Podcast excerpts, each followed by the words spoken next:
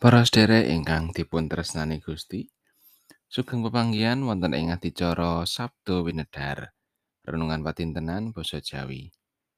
Sesarengan kita ngegilut sabdanipun Gusti, kita ndedonga langkung rumiyin.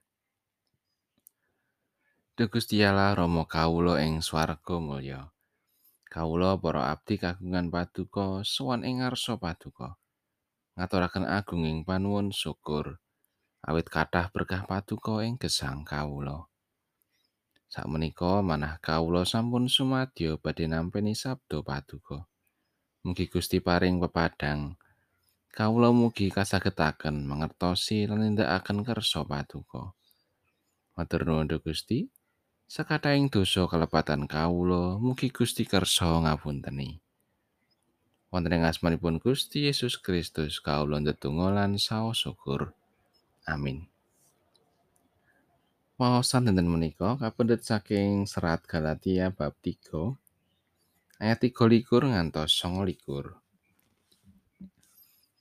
Nanging sadurunge tekane pracaya iku, kita kawengku ing pangreksaning angger-anggering toret. Kakurung nganti pracaya iku wis kalairake.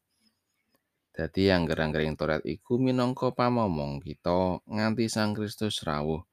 Supaya kita kaanggep bener marga saka pracaya. Nanging saiki pracaya iku wis teka. Dadine kita wis ora kabawah maneh ing pangreksane pamomong. Sebab marga saka pracaya marang Gusti Yesus Kristus, kowe padha dadi putrane Gusti Allah. Awit kowe kabeh kang padha kabaptis ana ing Sang Kristus, wis padha ngrasuk marang Sang Kristus. Ing bab iki ora ana wong Yahudi utawa wong Yunani. Ora ana batur tukon utawa wong martika. Ora ana lanang utawa wadon. Awit kowe kabeh padha dadi siji ana ing Sang Kristus Yesus. Mongko yen kowe kagungane Sang Kristus, ateges kowe padha dadi traing Romo Abraham lan padha dadi ahli waris miturut prasetyo. Pengatan pengantikanipun Gusti, ayat saking ayat 6 likur. Sebab marga saka percaya marang Gusti Yesus Kristus, kowe padha dadi putrane Gusti Allah. Pasamuan menika dipun angkat dados putranipun Gusti Allah. Lan sedaya ngamini ing bab menika. Nanging menapa sedaya pasamuan estu ngraosaken dados putranipun Gusti Allah ing gesangipun? Gusti Allah menika maha tresna. Mestinipun para putranipun ugi nindakaken katresnan. Saemper kalian ramanipun inggih menika Gusti Allah. Kosa wangsulipun boten segedhik pasamuan inggih putranipun Gusti Allah, ananging dereng ngraosaken estu dados putranipun Gusti. Tasih mangu-mangu. Nindakaken katresnan dados conto ingkang nyata. Sanyata kathah ingkang nresnani tiyang menika namung dumateng tiyang ingkang nresnani piyambakipun.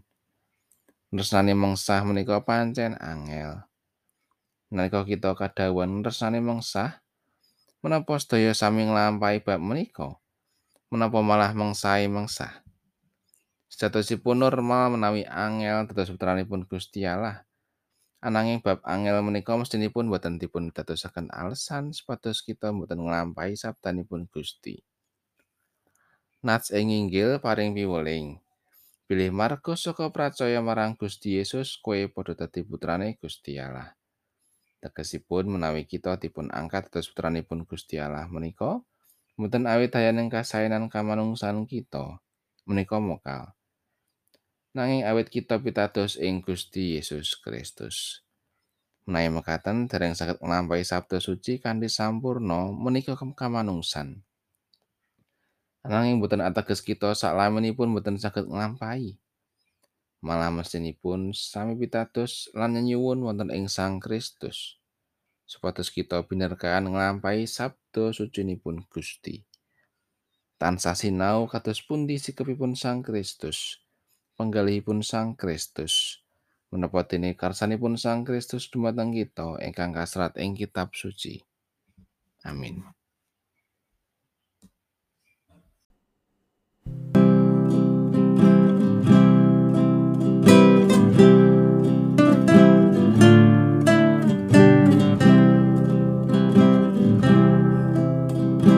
Gustimu kini nuntun kawula.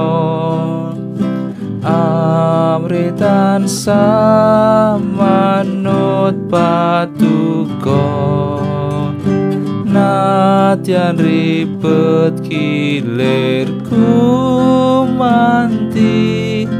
tam tuku lo ketuki nyanggi